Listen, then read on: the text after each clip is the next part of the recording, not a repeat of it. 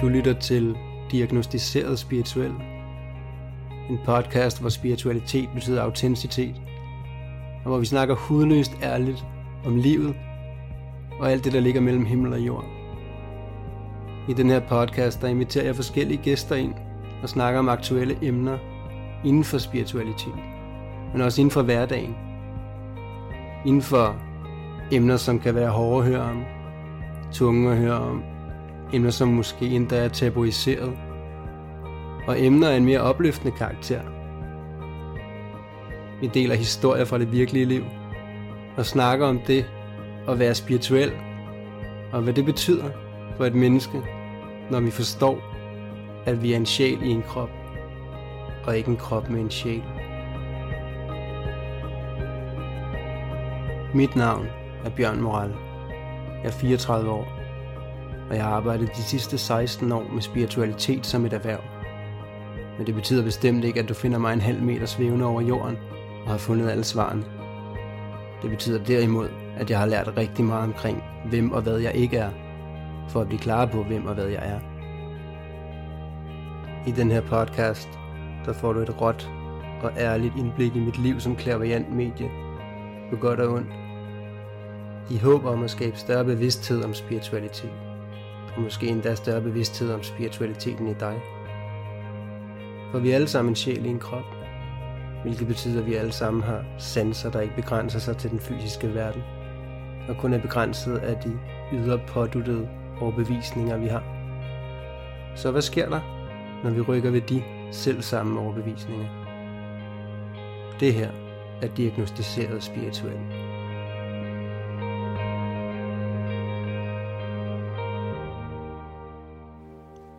Den historie, jeg vil dele med jer i dag, den har jeg været meget, meget i tvivl om, jeg skulle dele. Og det har jeg grundet historiens mange gråzoner og ekstreme situationer. Men jeg har lovet at dele mit liv som klaverant medie på godt og ondt, råt og ærligt. Og det vil jeg ikke kunne gøre, uden at dele den her historie med jer. Der vil være enkelte navne i historien, som jeg har ændret, grundet sagens natur. Men ellers så er alt fuldstændig, som jeg har oplevet det. Og jeg kan forestille mig, at der vil sidde nogen og lytte til det her, som vil tænke, at det her, det er simpelthen way beyond, altså out of this world, hvilket det bogstaveligt talt også er. Ret så mindblowing. Selv for mig selv har, der været, har det været rigtig svært at, at, at begribe mange af de her ting. Men det har været en vanvittig oplevelse. Og det er helt sikkert en oplevelse, som jeg aldrig nogensinde kommer til at glemme. Det er den 27. december 2017. Klokken er lidt over 10 om aftenen og jeg sidder i et fly sammen med min far og min søster og min daværende kæreste på vej hjem fra en juleferie i Gran Canaria. Og det er her, det hele starter. Vi var i det de her fly, der larmer lidt rigeligt. Så det var lidt svært at høre hinanden. Og vi var alle sammen udmattet efter en uges tid på Gran Canaria med familien, som det jo kan være lidt udfordrende at være sammen med sin familie, uanset hvor dejlig den er i en hel uges tid. Og det var det også for os, så vi var godt udmattet. Og jeg sidder i det her fly ved siden af min kæreste, og min far sidder ved siden af min kæreste, og min søster sidder skråt overfor. Og jeg vil prøve at få lidt, øh, prøve at hvile mig lidt, få lidt søvn eventuelt. Så jeg prøver at slappe af og lukke øjnene. Tag en dyb vejrtrækning og lige uh, prøve at lande i det hele. Men i det øjeblik, jeg lukker øjnene, så er det som om, at jeg åbner øjnene et andet sted. Og det andet sted, det er, hvad jeg vil beskrive som i et rum, i en UFO. Og det skræmte mig af flere grunde. Øhm, blandt andet fordi, at det jeg så omkring mig, det var så tydeligt. Og så virkeligt, som nærmest, nærmest mere tydeligt, end når jeg kiggede fysisk med mine fysiske øjne. Så jeg fik faktisk et chok og åbnede mine øjne igen. Og, og var jo i det her fly. Og tænkte, okay, det var alligevel... Øh, det, det var lidt syret. Øhm, jeg kan huske, så snakkede jeg lige lidt med min kæreste, prøvede at ignorere det, og tænkte, okay, nu, nu prøver vi lige at tage en lur igen. Og jeg tager en dyb vejrtrækning, og så lukker jeg øjnene, og så står jeg der bare igen i det her rum, i den her UFO. Og hvad jeg så i det her rum, jeg vil prøve at beskrive rummet for jer. Det var mm, på størrelse med min egen stue. Nu ved jeg selvfølgelig ikke, hvor stor min stue er, men jeg vil skyde på, det er en rummet, det er måske en 25-30 kvadratmeter. Og det er rundt. Og i, i midten, der er sådan en, en, en lysende, glowing, hvid kugle, som måske har en, en diameter på halvanden to meter, som lige øh, er, er, er sådan en 20-30 cm ned under gulvet, øh, så den ligesom kan stå fast, eller det er svært at forklare. Um, og det virker som sådan en, en energy source of some sort. Og rummet var rundt, og bag mig, der var sådan to nærmest kontorlignende diske, og jeg kan huske de her diske meget tydeligt, fordi de lavede af en slags metal, men, men metallet var ligesom mere blåt, har jeg lyst til at sige. Og der var sådan nogle fordybninger på de her kontordiske, øhm, som lignede, at der var lagt, skabt plads til, at man kunne lægge papir der. Og den der lille uddybning på begge øh, kontorbordene, de havde ligesom sådan noget sort gummi rillet øh, under sig, ligesom til at lægge papir. Jeg, jeg, jeg rørte ikke ved det, jeg ved ikke, om det var sådan, det var, men sådan jeg opfattede det. Og hele vejen rundt i rummet, der var sådan blåt lys i kanten af gulvet. Men det var ikke sådan dioder. Det var ikke sådan pære lys, det var det, det lys bare. Og der var ligesom et, et, et stort gulv til, i går så en loft, sådan lidt skråt til venstre for mig med et vindue, hvor jeg sådan nærmest kunne se noget af planeten Jorden. Og der var også sådan en nærmest en lille smule maskinlyd. Øhm, og jeg på det her tidspunkt meget, meget overvældet, meget overrasket, fordi at jeg er godt klar over, at jeg er der. Jeg ved ikke, hvor jeg er. Øhm, og det bliver faktisk lidt for meget for mig, så jeg skynder mig at åbne øjnene igen, og så er jeg tilbage i det her larmende fly. og der, der, øh, der er jeg lidt chokeret på det her tidspunkt, og jeg drikker lige noget sodavand og spiser lidt peanuts og tænker, det, øh, hvad skete der lige der? Men så tænker jeg også, okay, jamen så lad os finde ud af, øh, hvad er det her? Så, så hvis der er noget, jeg skal have vist, så, så må jeg dykke ned i det. Så jeg læner mig en tredje gang tilbage og trækker vejret dybt og lukker øjnene og står så igen i det her rum. Og så bliver jeg sådan lidt, øh, lidt, jeg vil ikke sige irriteret, men sådan lidt stedig. Jeg siger, okay, hvad, hvad, hvad er det? Hvad er det her? Hvad er det, I vil vise mig? Hvad, og hvem er I? Og hvad, hvad foregår der her? Så bliver jeg nødt til at vise jer selv. Kan jeg huske, jeg siger. Og så kommer der ligesom en efter en sådan crew members op og hilser på mig.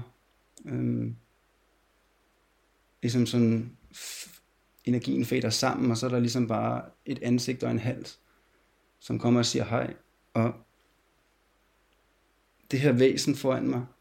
Øhm, personen er blå, øhm, med sådan noget guldudsmykning rundt om øjnene og lidt ved næsen, og har sådan meget karakteristiske træk, meget markante træk, knoglerne. Øhm, og jeg kan huske, at jeg faktisk, jeg blev chokeret over, at jeg ikke blev chokeret, fordi det føles så hjemligt. Og jeg, jeg hilste ydmyg på den person, der kom, og så fadede den person væk, og så kom der en ny, som jeg også hilste på. Øhm, og jeg hilste på fire forskellige. Tre mænd og en kvinde. Og det virkede som om, at de kendte mig. Og det virkede som om, at jeg kendte dem. Som sagt, det føles hjemligt. Og jeg spørger dem så, hvad, hvad, hvad er det, I vil mig? Og, og hvem er I?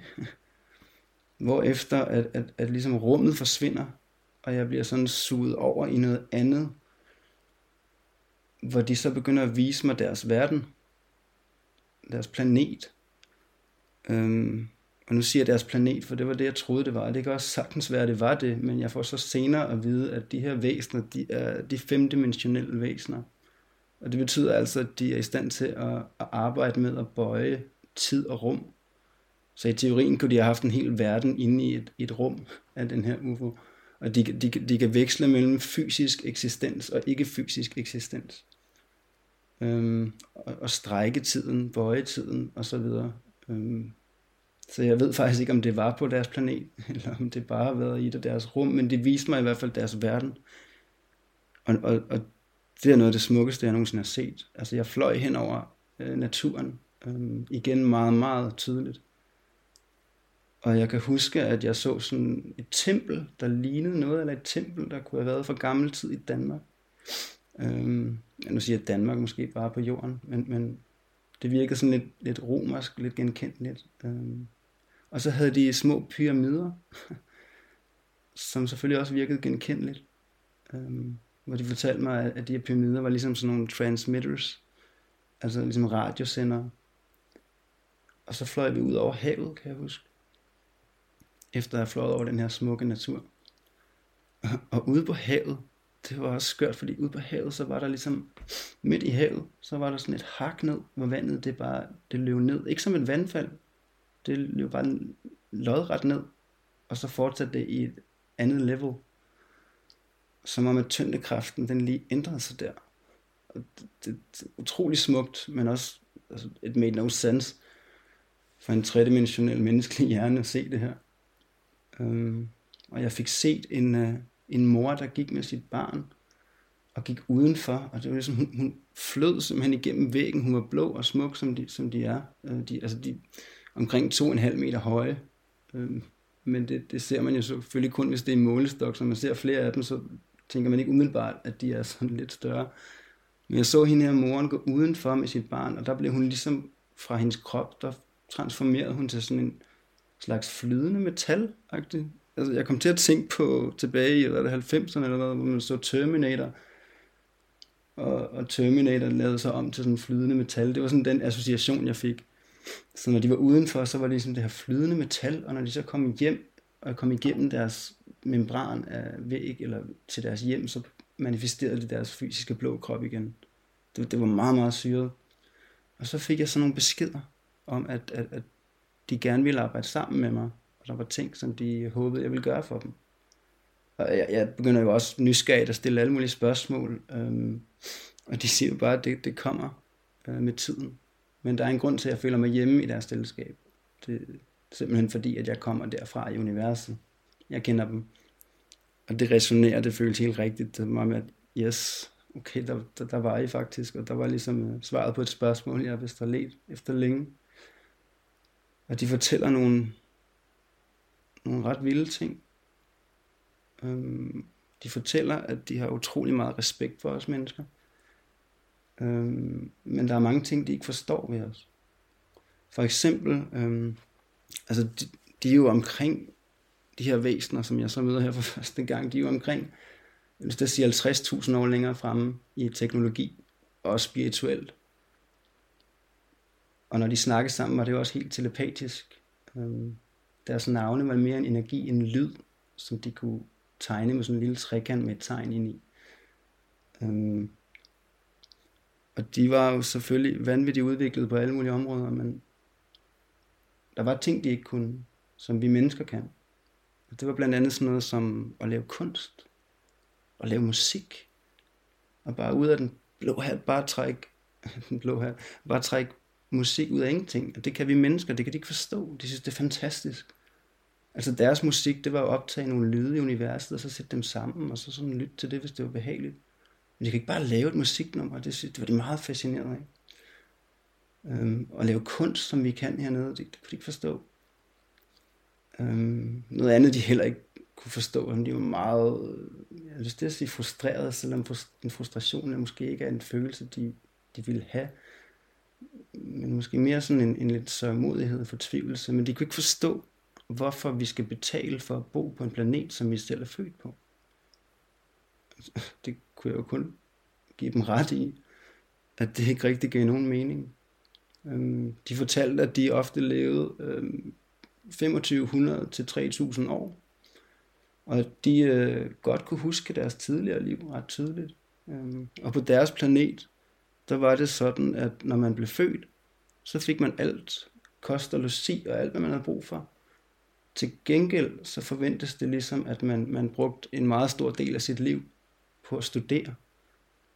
Studere øh, teknologi. Studere spiritualitet. Øh, studere øh, kost. Øh, det meste de spiste, det var dog nogle frugter, som var meget, meget nærende, som vi ikke har her på jorden. Hvis, øh, de spiste ikke kød. øh, men, men man fik ligesom alt, når man, når man blev født på deres planet, og så skulle man til gengæld bruge rigtig meget af sit liv på at udvikle planeten. Og det leder mig lidt til en af de andre ting, som de heller ikke rigtig kunne forstå, vi gør hernede. Øhm, og det er meget det her med, og det er jo nok vores ego, når jeg generaliserer os lidt, men det, det her med, at en, en, mange lærere, for eksempel, øhm, dygtige lærere, vil gerne have deres øh, elever er dygtige, men ikke så dygtige som læreren, fordi at de er jo læreren.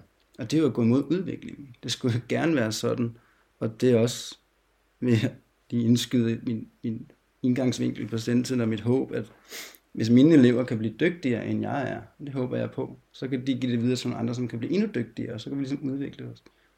Og så brugte de et eksempel med børn, fordi at de børn, der kommer til, vibrerer jo højere, end, end vi gør. De har mere bevidsthed, og ofte også flere, flere liv bag sig, og mere erfaring. Så det her med, at en voksen siger til et barn, at nu skal du, nu skal du tige stille, og du skal gå ind på dit værelse, og, uh, fordi jeg har været her længere, så jeg ved mere. Det kunne de ikke forstå, fordi det er jo gået imod vores, vores øh, revolution. Øhm, det var de ret fortvivlet over. Øhm, men der var mange ting, som, som, som de også gerne ville lære. Og, og med hensyn til, hvad jeg skulle øh, gøre for dem, så fortalte de mig egentlig bare, at det ville komme senere. Og, øh, og, og før jeg vidste af det, så sad jeg tilbage i det her fly, hen over Frankrig. Og forestil mig, at jeg var rimelig bleg på det her tidspunkt. Jeg kan også huske, min, der var en kæreste, hun siger, er, er, du okay? Altså, ja, ja, ja, jeg har det fint. Um, jeg skulle lige lande i det her. Um, jeg har tidligere kommunikeret med og blevet uddannet af og uddanner i og så videre med engleriget. Og skytsengle og ærkeengle og hvad der ellers er øh, i den del af universet. Utrolig smukt. Øhm, og jeg har også øh, et samarbejde med naturriget, Nature Realm. Angel Realm og Nature Realm. Øhm, og de væsener, der kommer den vej i retning. Øhm, og det kan jo være sådan noget som feer og alfa øh, og hvad der ellers er. Øh, det vil jeg ikke gå så meget ind i nu. Men det her med aliens, jeg ved ikke hvorfor, men det har bare ligget meget fjern fra mig. Og, og, og jeg kan huske, at jeg var faktisk lidt bange for at dele den her historie. Fordi jeg synes selv, det virkede, det, det virkede lidt skørt, det virkede skørt. Så, så jeg fortalte det faktisk ikke, ikke engang til min kæreste, som var meget åben og meget spirituel. Og jeg gik bare lidt med det selv. Øhm, og efter, efter nogle dage, at vi kommet hjem til Danmark, så bliver jeg alligevel nødt til at, at snakke med min kæreste om det, hvad jeg bliver nødt til at dele det, altså hvad, hvad er sket der her. Og øh, jeg fortæller så den her historie til min kæreste, og hun siger, ej, hvor vildt, de hedder Andromedans, dem kender jeg godt, dem er der mange, der kender. Og jeg siger, hvad for noget, kender du dem? Ja, altså, jeg, jeg har hørt om dem, og jeg har læst om dem, og, og altså, jeg har ikke mødt dem, men jeg kender dem godt, det er der mange, der gør. Og der, øh, altså, der puff, springer mit hoved i luften, som i, okay, det havde jeg ikke lige regnet med. Øhm, men hun rummede det bare, og synes, det var super fedt, og viste mig også ting, som hun heller ikke havde vist mig med øh, andre væsener, øhm, som de også arbejder sammen med, som Pleiadians og Arcturians, Serious people, Mantis beings, Greys and so on. Der er mange forskellige væsener. Selvfølgelig er der det. Øhm, min egen private overbevisning skal man altså også være godt afstumpet, hvis man mener, at ud af de her uendelige trilliarder af planeter, er vi det eneste liv. men, men det var bare voldsomt for mig at tage ind. Øhm, og så gik jeg faktisk efterfølgende og bare ventede og ventede i, i længsel, og i, i, altså jeg glædede mig til at høre fra dem, nu må der gerne ske noget, øhm, og der, der skete ikke noget. Jeg, jeg øh, blev ikke taget kontakt til, jeg fik ikke nogen tegn, jeg blev ikke guidet, jeg blev ikke noget. Øhm, og der gik faktisk så lang tid, så jeg tænkte, Nå, så kan det være, at de har droppet samarbejdet igen. Øhm, men hvis vi så lige spoler tiden, jeg har lyst til at sige et halvt år frem, eller et eller andet, så var jeg i øh, et lille hyggeligt hus på Bornholm, med nogle elever, som var ved at være færdiguddannet på centret. Øhm, på tredje år. Og, og tredje år handler også om at lære at kun snakke med afdøde, kanalisere engle, øh, eller feer eller andre væsener, bevidstheder for at komme ned og udvikle os øh, og videregive beskeder, øh, blandt andet at rejse i tid med regressionsterapi osv. Og, og vi sidder i det her hus over på Bornholm. Der er smuk sne ude foran, så det er lidt koldt. Og vi har så en lille brændeovn kørende, som næsten er ved at brænde ud. Og jeg er ved at uddanne mine elever i, øh, i at kanalisere. Øhm, og til, til, til jer, der måske ikke lige ved, hvad det er, så er det, at man simpelthen tilsidesætter sin egen bevidsthed, eller ikke bevidsthed, men man, man, man tilsidesætter sig selv for at kanalisere noget højere vibrerende ned i kroppen, og så lade dem bruge kroppen til at formidle. Det kan være til at snakke verbalt på et andet sprog, med en anden stemme. Det kan også være til at skrive, eller det kan være til flere ting, men, men det er sådan, det kanalisering er. Og på det her tidspunkt, hvor øh, Camilla hedder hun, faktisk tænker jeg okay at dele. Øh, hun sidder og bliver guidet i, hvordan hun kanaliserer ned. Og øh, ligesom som hun får kanaliseret den her, det her væsen ned, så kommer der sådan en bølge af energi gennem lokalet, og, og den der brændeovn, der er ved at brænde ud, den springer ligesom i luften sådan, pff, med ild, og alle os andre, der sidder omkring, vi sådan flyver tilbage og tænker, wow, hvad skete der der? Men ikke Camilla, fordi hun sad jo ligesom i den her dybere, jeg har lyst til at sige, trancelignende tilstand for at kunne gøre det her. Så hun opdagede det ikke. Men det gjorde vi andre. Og så fik hun ligesom en anden, et andet lys i øjnene, en anden mimik. Øhm, og så drejede hun sådan tungt og steady hen mod mig. Og jeg kan huske, at jeg tænkte, åh oh, nej, hvad er, det, hvad er det, vi har fået kontakt til her? Øhm, men så kunne jeg alligevel genkende energien. Og det her væsen starter som med at sige, Bjørn. Og jeg siger, okay. skal lige sige, på det her tidspunkt havde jeg ikke øh, indvidet mine elever i andet end, andet end, end engleriget og nature realm. Så det her med, med aliens, det var, det var ikke noget, vi havde været igennem. Um, men det var så en af de her Andromedans, som havde øh, manifesteret sig til at være ikke fysisk, eller hvad hedder det, det, som de nu kan, og så ligesom lå sig kanalisere ned her. Og jeg, og jeg sagde med det samme, og det er hjertet, ikke det? De blå. Og han svarer jo, normalt når vi sådan kanaliserer ned, så er det jo ofte, altså det er faktisk altid eleverne, der får beskederne, alt efter hvor det er, hvad de har brug for at høre og så videre. Det er utrolig smukt og meget, meget lærerigt øh, hver gang. Men den her gang, der var det ligesom mig, der var fokus på. Og jeg kan huske, at jeg tænkte, så, så må jeg lige ignorere, at der sidder nogle chokerede elever herover, som lige skal sluge, i det, der så sidder og snakker med en. alien, eller det så, en Andromedan, har jeg måske mere lyst til at sige og den her Andromedan fortæller så, at øh, jeg skal til Peru, og det skal jeg, fordi at der, øh, der venter en gruppe på mig derovre, som jeg skal arbejde sammen med energimæssigt, også i forbindelse med, med Andromedans, og der er flere planer med os. Så jeg skal til Peru, øhm, og jeg må bare nikke og sige, det, det, må jeg, det må jeg så gøre. Og så siger han, at når nu du er i Peru, så har du vist også lige en ven, du skal besøge derovre, har du ikke det? Huh, øh, jo, det, det havde jeg. Øhm, jeg fik lige sagt til den her Andromedan, altså på den her tidspunkt, der mente jeg ikke lige, at jeg havde økonomi til at smide 10.000 kroner efter en øh, returbillet alene til Peru. Så jeg siger, hvad, kan I lige måske hjælpe mig med at få penge til det? Og de siger, at det skal vi nok kompensere. Okay, og så var det ligesom, at han tog afsted igen. Og jeg, jeg måtte gå udenfor lige at trække vejret for noget luft i hovedet og tænke, wow, det var voldsomt. Og nu skal jeg lige forklare mine elever, at jeg altså har noget kontakt med nogle blå aliens, der hedder Andromedans, og jeg skal også til Peru, åbenbart, øhm, og finde en gruppe af mennesker, som jeg ikke ved, hvem er. Øh, den skulle jeg ligesom lige lande i. øhm, jeg måtte jo selvfølgelig så sætte mine elever og soon to be uh, kolleger, kollegaer ind i, hvad alt det her var. Øhm, og den dag i dag arbejder de faktisk også sammen med de blå øh, på sidelinjen. Øhm, men det er så en anden snak. Så øhm, herefter går jeg egentlig bare og venter på, at jeg skal til Peru, og jeg, jeg går sådan og kigger lidt på, på flybilletter hister her, øhm, og kan mærke det her sus i, sus i maven hver gang, og bankende hjerte, jeg har inde og kigge på det, fordi jeg er godt klar over, at der skal til at ske noget, noget lidt voldsomt. Øhm, og hver gang jeg kigger på flybilletter, så koster de altså 11, 12, 13.000 retur, og jeg synes, det var sådan lige... Øhm, men en eller anden dag, så går jeg ind og kigger på flybilletter, og så står der en returbillet til Lima i Peru, som koster 5.000 555 kroner. Og der vidste jeg, at det var min billet, og det vidste jeg, fordi at 5 er en energi, jeg altid har haft med mig.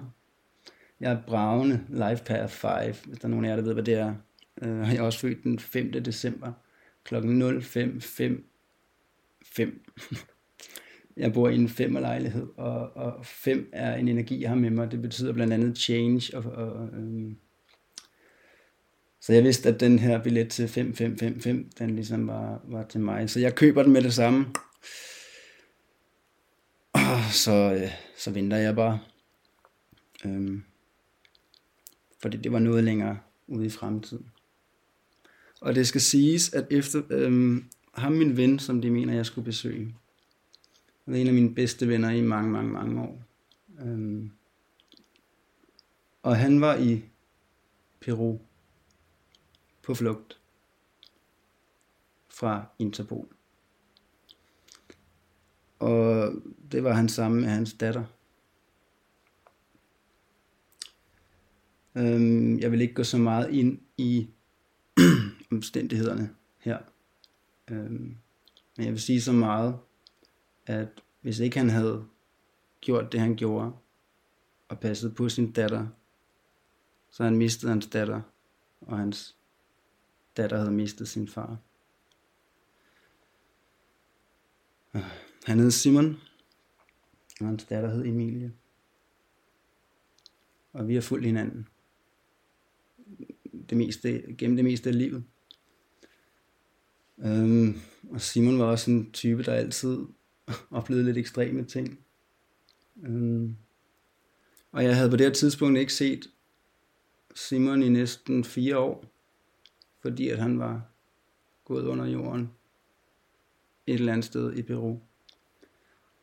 Og så sker der simpelthen det, at, øh, at jeg får kontakt til ham på en eller anden måde, med en eller anden øh, måde at kommunikere på, en eller anden app, som jeg skulle være lidt hemmelig, eller jeg ved ikke hvad. Han var i hvert fald tryg ved det. Jeg begyndte at skrive til mig, og jeg tænkte, wow, er du i live? Har du det godt? Er alt godt? Og hvad sker der? Wow. Og vi får snakket en masse. Øh, og jeg fortæller ham så, at, øh, at jeg har mødt de her aliens, og de har sendt mig til Peru.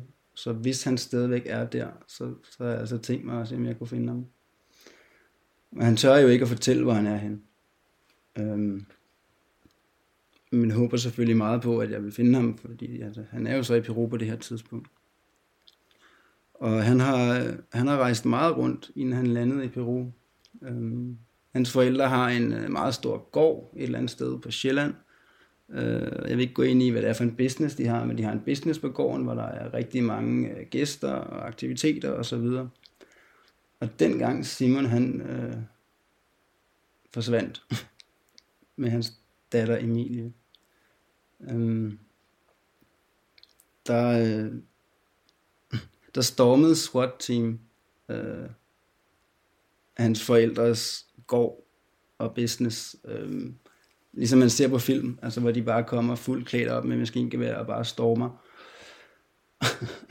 Helt surrealistisk. Øhm, og, og Simons forældre står der, altså hvad, hvad, hvad sker der? Og de er sådan, vi skal finde Simon. Hvor, hvor, hvor, er, hvor er Simon? Vi skal finde Simon.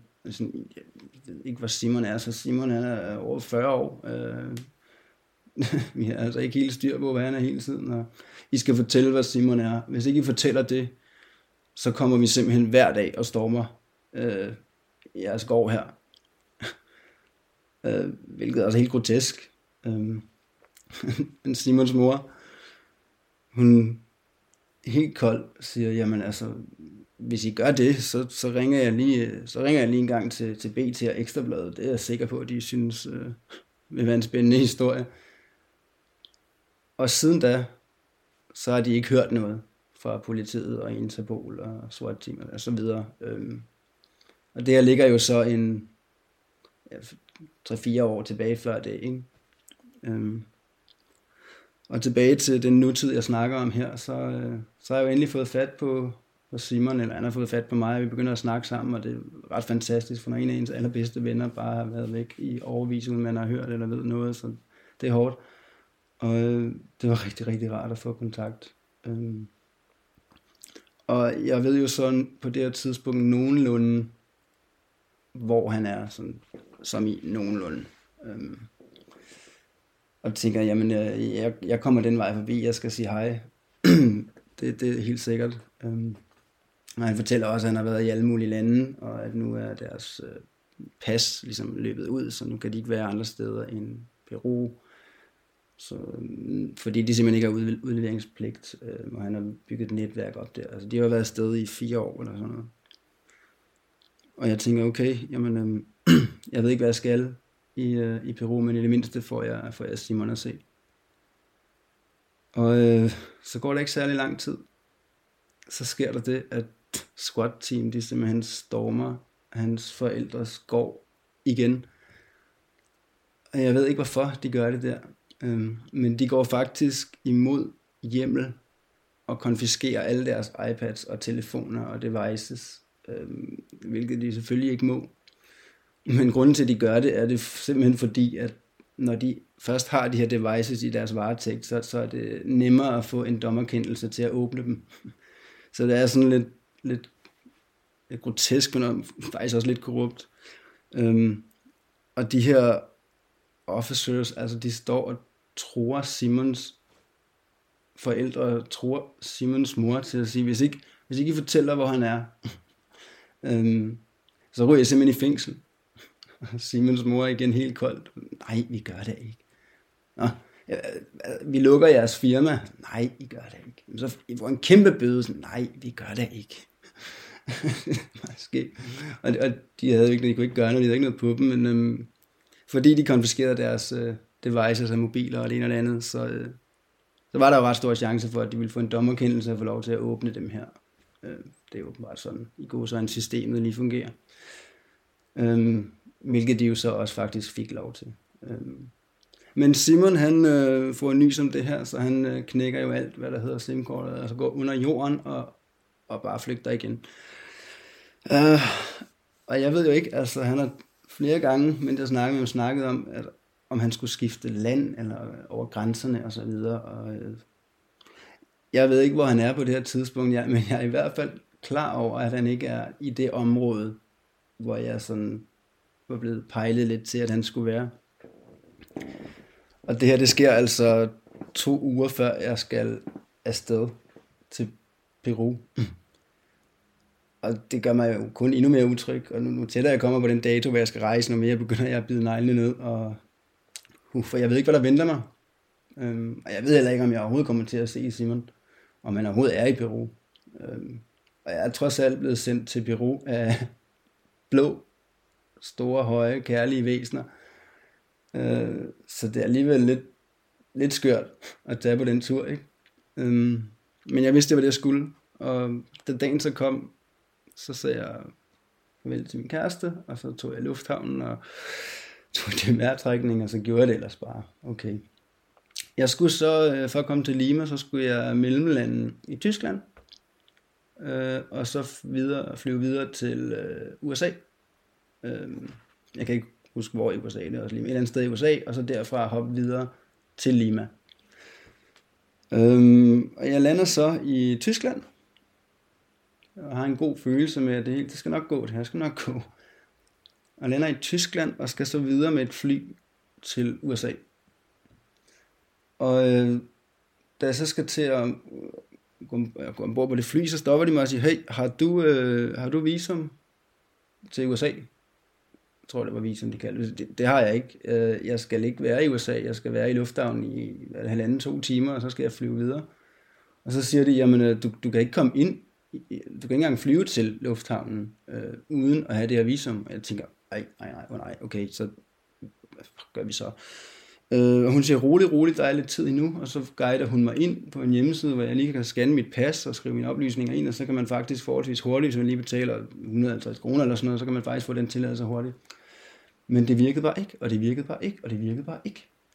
Og jeg blev sådan mere og mere desperat, fordi jeg skulle have det for at gå ombord på flyet, og, og, og en halv time, tror jeg, jeg står og, og desperat kæmper med det her, for at få det til at virke, og hun, hende, der prøver at hjælpe, hun synes også, det er meget mærkeligt, at det ikke virker. Og lige pludselig, så, bip, så går den igennem, så var den der.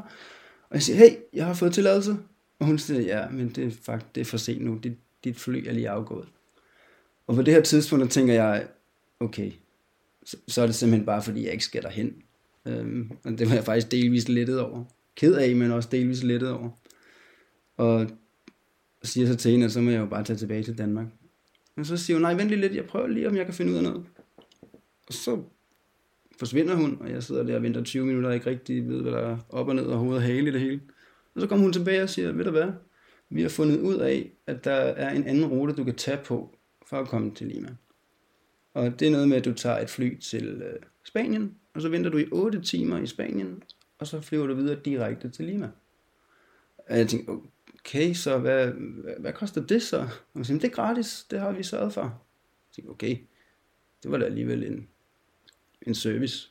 Øhm, så jeg øh, hopper på et fly til Spanien, øh, og lander i, øh, i Spanien. Øh, jeg kan heller ikke lige nu huske, hvad det var for en by, men det er også ligegyldigt. Men jeg lander i Spanien, og så bruger jeg ellers bare 8 timer på den her lufthavn, i den her lufthavn, og prøver ligesom at uh, calm myself down. Øhm. Og så øh, går de 8 timer, og jeg hopper på flyet, og så flyver jeg ellers bare mod Lima. Jeg lander så i Lima, lidt, klokken lidt over 10 om aftenen, og finder min backpack frem og stiller mig ud foran lufthavnen og kigger lidt rundt, og aner jo overhovedet ikke, hvad vej jeg skal, hvor jeg skal hen, hvad jeg skal. Og jeg ser jo lidt ung ud, og jeg står der og ligner en meget ung, øh, lyshåret dreng fra Skandinavien, øh, som i lidt, eller et lidt offer. Og jeg, jeg er lidt utryg, eller jeg er meget utryg faktisk. Øh, jeg ved også godt, jeg har hørt nok historier om Lima, om at vide, at der er stor chance for, når du tager en taxa ud af byen, at det første kvarter, du kan blive stoppet, og de bare smadrer ruder og tager dine ting og bare flygter. Øhm, så jeg var ret nervøs. Men øh, jeg vidste, jeg ville være guidet, og jeg vidste, jeg var passet på. Men det er en ting at vide det, en anden ting er også at stå i det. Og så står jeg der, og lige ryger en cigaret, og lige lander, og lige tænker, hvad har du gang i, Bjørn? Og så tager jeg kontakt til min guider og siger, hey, nu må I lige tage over her. Hvad, hvad er planen nu? Hvad skal jeg? Og så siger de, øh, der står en mand derovre bagved, øhm, og ham skal du gå hen til. Han er en taxichauffør, og han vil køre dig til et sted.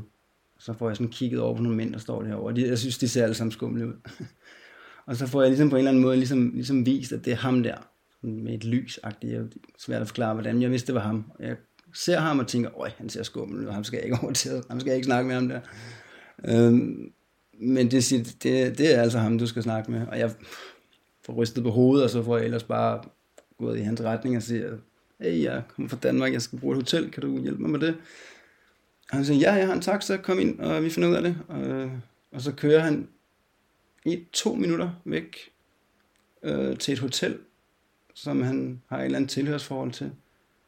Og jeg går bare med det. Og det her hotel, det har trammer, nærmest sådan fængselsagtige trammer ude foran hotellet, og det har vagter, der står foran. Øh, hvilket også siger lidt om den del af Lima. Øh, men jeg var tryg ved, at de havde både vagter og trammer. Øh, jeg hopper af der, og jeg kunne se betale noget eller 40 euro for et værelse, hvilket er minimum fire gange prisen, fordi at uh, white boy coming from Scandinavia. Men jeg var cool med det, jeg skulle bare et sted og lige, og lige sove. Så jeg, øh, jeg øh, går op og får mit værelse, og, og går ellers, øh, går ellers kold. Øh, helt udmattet.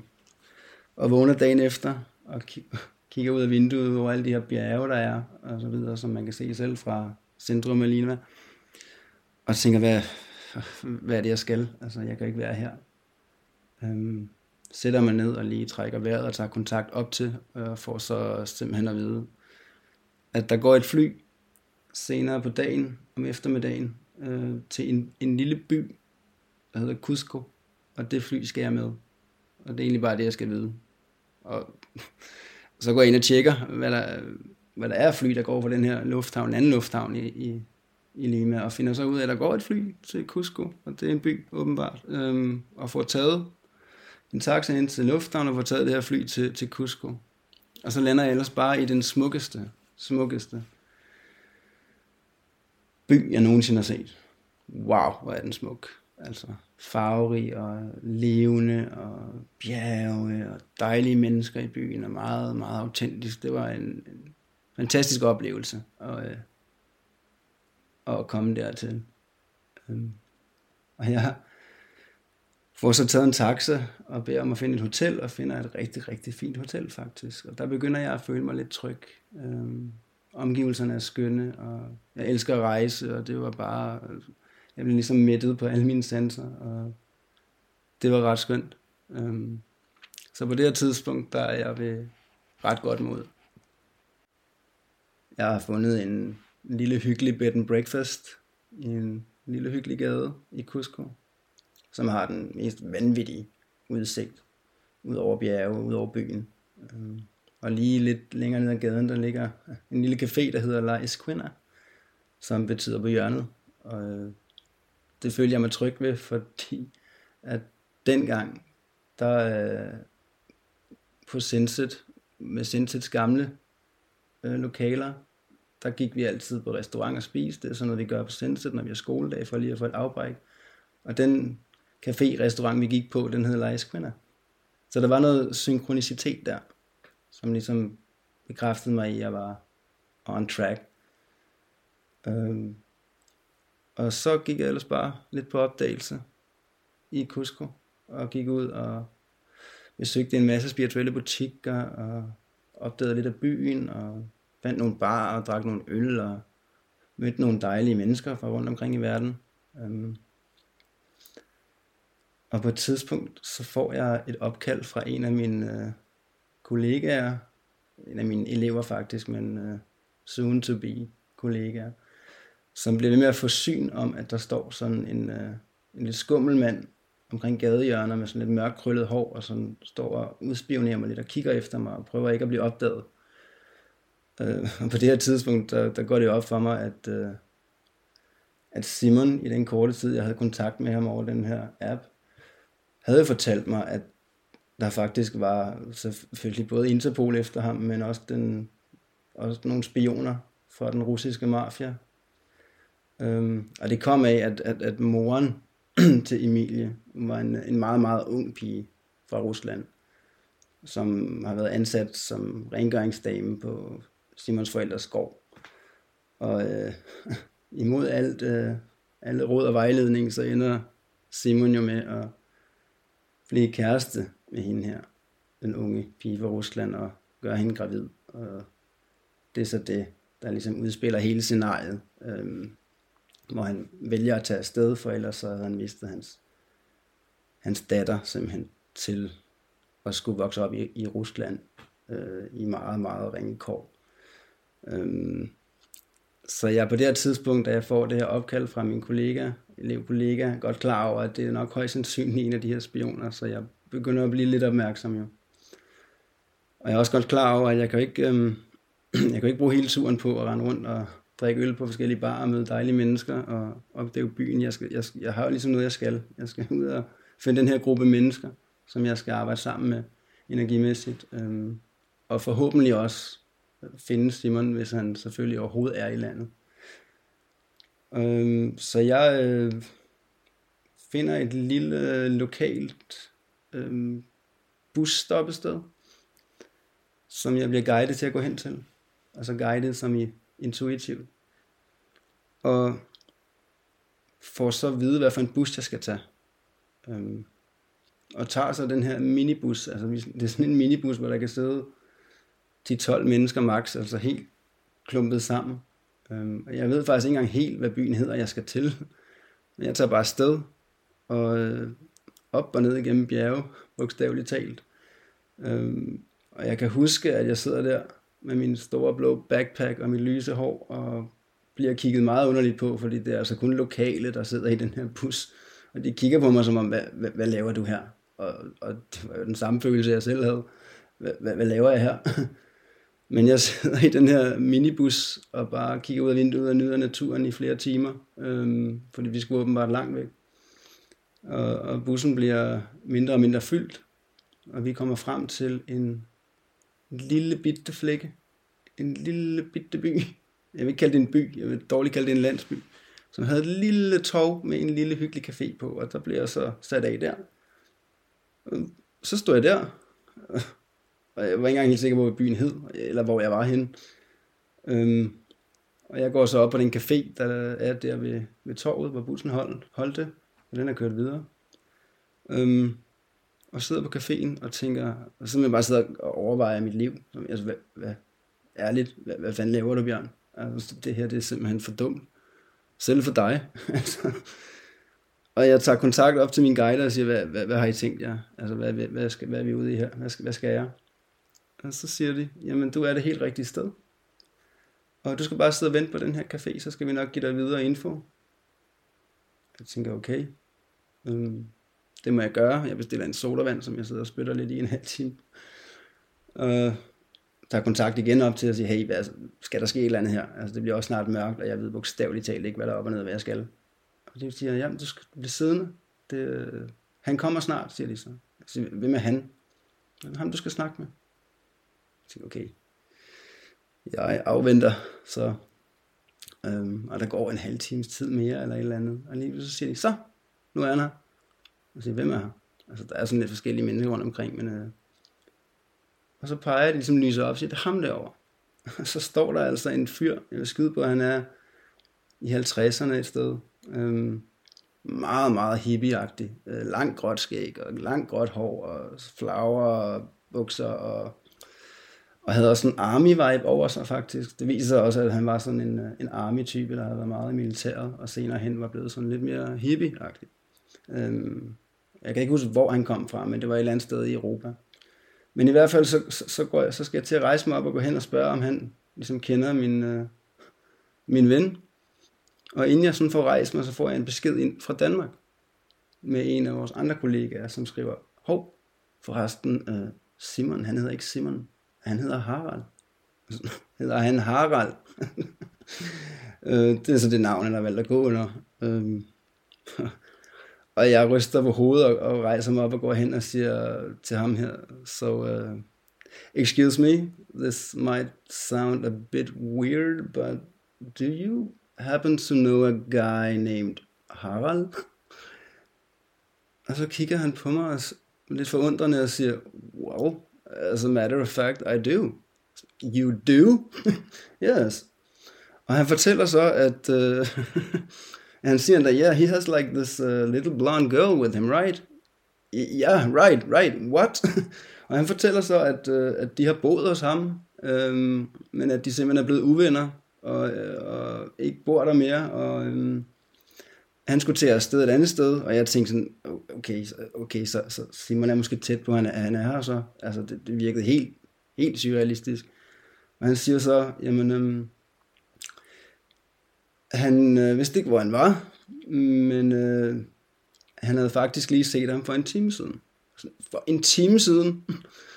ja, men han var i en truck sammen med en veninde, og, øh, og de var vist øh, in a hurry. så jeg tænkte, det er simpelthen løgn, jeg har ikke været så tæt på, og så bare uden at finde ham, det er simpelthen ikke. Og så siger han simpelthen, jamen øh, ham, hende veninde, som øh, han var sammen med, eller de var sammen med, øh, hun havde simpelthen, øh, og så fortæller han mig navnet på hende.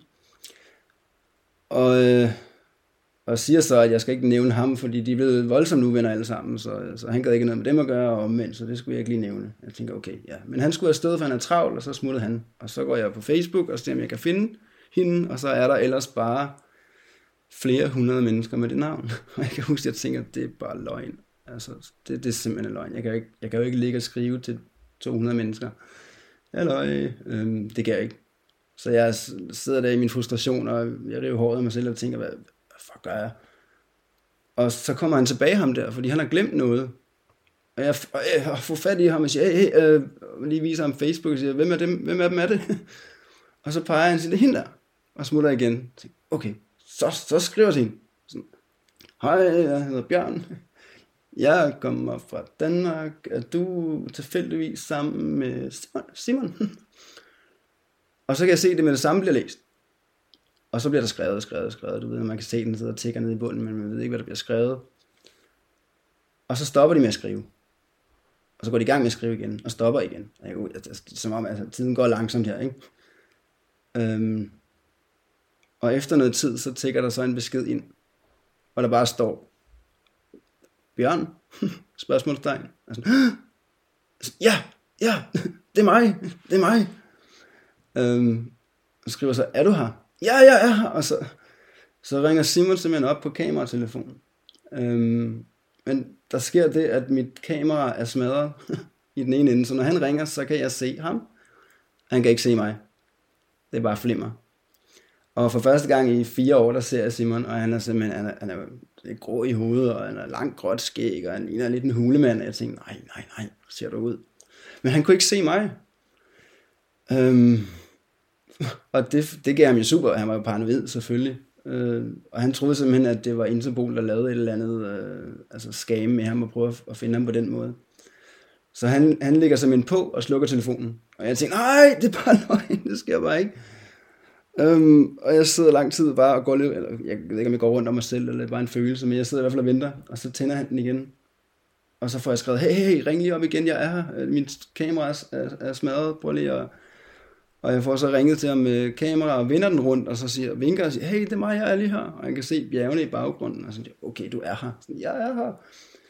Og så giver han mig directions til en endnu mindre by, hvis en by overhovedet kunne være mindre. Øhm, og hvordan jeg kommer derhen, og jeg må så tage en endnu mindre minibus til en endnu mindre miniby, øh, en time eller to væk, eller et eller andet. Øh.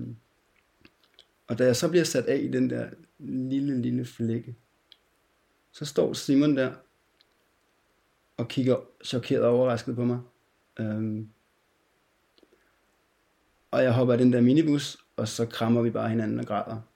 Øh den smukkeste oplevelse. Jeg har savnet ham så meget, og jeg har været bange for, at man var okay. Og, og så sidder vi i en, øh, i en tuk-tuk på vej ud af den der lille mini, mini, mini by. Og, og chokeret som Simon også, så siger han, altså, altså Bjørn, hvis du kan finde mig, så kan Interpol jo også finde mig. Og jeg siger, Simon, det tror jeg ikke. det tror jeg virkelig ikke. øhm, det kan han selvfølgelig godt se. Øh, Simon har kendt mig i mange år, så han ved også godt, hvad jeg ligesom har af, af sanser, evner og kompetencer inden for det felt. Øhm, så, så han er jo faktisk kun delvist overrasket over, at jeg så fandt ham. Men han har så i midlertid fundet tilflugt ud i... Øh, altså den her by er i forvejen så lille, så jeg forestiller mig, at der ikke er nogen adresser der. Men, men, men uden for den, altså en lille flække på landet, og så ude på landet derfra, et eller andet sted, der var nogle små bygninger rundt omkring, og der kører vi ud og banker på en stor port, og inde bag den her port, så er der sådan en lille mini trillinget gård med græs i midten, og børn, der leger, og alle er glade, og det er bare super hyggeligt. Og for første gang, så ser jeg så Emilie, som er på det her tidspunkt 4-5 år eller sådan et eller andet. Og jeg, og jeg vil ærlig at sige, jeg var jo jeg var lidt bekymret om, hvordan Emilie havde det. Selvfølgelig var jeg det. Øhm, men hun strålede, og hun var glad, hun var livsglad, og hun var bare, hun kunne bare se, hun havde det godt. Hvilket gjorde mig rigtig tryg. Øhm, og hun havde jo hendes far 24-7 non-stop. Altså, de var bare like this, de to her. Og hun, hun snakkede dansk og engelsk og spansk. Altså, og hun var skøn, og hun kunne mærke, hvor meget kærlighed mig og Simon havde til hinanden. Så, så immediately så adopterede hun mig bare som en af hendes. Øhm, og jeg legede med hende, og nogle gange så snakkede hun dansk, og nogle gange snakkede hun engelsk. Og når hun så slår over i spansk, for hun kunne ikke kende forskellen på sprogene. Det havde hun jo ikke lært endnu. Så, så lige som jeg bare siger, Emilie, jeg, jeg kan ikke forstå, hvad du siger. Og så kiggede hun på mig, som sådan, er du helt idiot? hun kunne ikke forstå, hvorfor jeg ikke kunne forstå hende. Øhm, super dejligt at, at se, at, at hun havde det godt, og at de var trygge. Øhm, og så siger Simon noget af det, det mest skræmmende, jeg nogensinde har hørt. Øhm, så siger, siger han, øhm, men hvor er det fedt, at du er her nu, fordi vi skal til at have en øh, ayahuasca-ceremoni. Altså, wow, jeg skal fandme ikke have nogen ayahuasca-ceremoni, jeg tror sindssygt. Øhm, det tør jeg simpelthen ikke. altså, det skal vi. Og så trækker jeg mig lige, og lige tager fat til mine guider, og takker dem for at have fundet Simon. Øh, og siger, det her, de snakker om med ayahuasca-ceremoni, det, det, der ikke, det sker der ikke noget af, vel? Og så siger de, jamen det er faktisk en af grundene til, at du også er her, Bjørn. siger, hvad for noget? Skal jeg, altså, jeg har taget mange stoffer i min teenageår, og også psykedeliske ting, og LSD og svampe og sådan noget dengang. Og jeg synes, det, altså, det var både noget af det fedeste, jeg har prøvet dengang, det var også noget af det værste, jeg har prøvet dengang. Jeg var vanvittigt bange for at blive psykotisk, og jeg, jeg ved, altså, det bliver jo ikke mere psykedelisk end, end, end ayahuasca. Jeg er med på, at man gør det for at få en spirituel oplevelse, en spirituel indsigt, men altså, det er alligevel lidt at lege med ilden, ikke? Øhm, og det har jeg bestemt ikke lyst til, men omvendt så ved, altså ayahuasca har også kaldt på mig i 10 år. En gang imellem i sådan, kommet ind, hvor jeg sådan mærker, uh, det er noget, jeg skal på et tidspunkt. Og, ja, så kommer der så en time efter otte mennesker inden for den her gåsøjne by, som skal være med i den her ceremoni, fordi nogle af, af dem, der boede i den her lille trillingede gård, øh, det var også en, øh, altså forskellige familier, dejlige, dejlige mennesker, men også en, øh, en shaman, som så afholdt de her øh, ayahuasca-ceremonier en gang imellem.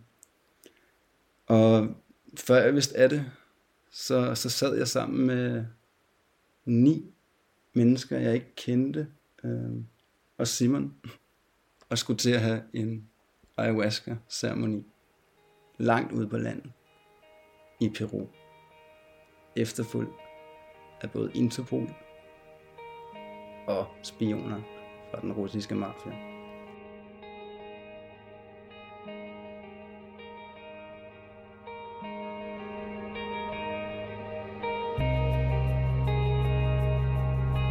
Det her er diagnostiseret spirituelt.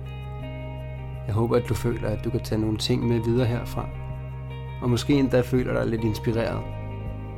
Om ikke andet, så håber jeg, at du har følt, at det har været underholdende at lytte med. Og jeg vil rigtig gerne takke dig for at have brugt din tid på at finde ind på den her podcast. Og skulle du føle, at den har givet dig noget positivt, så vil jeg blive meget glad, hvis du vil dele det med familie og venner, og gerne i dit netværk, og eventuelt skrive mig en anmeldelse. Om ikke andet, så håber jeg, at du vil lytte med i næste afsnit, når vi igen går i luften med et emne, der har brug for at se dagens lys. Tak fordi du lyttede med.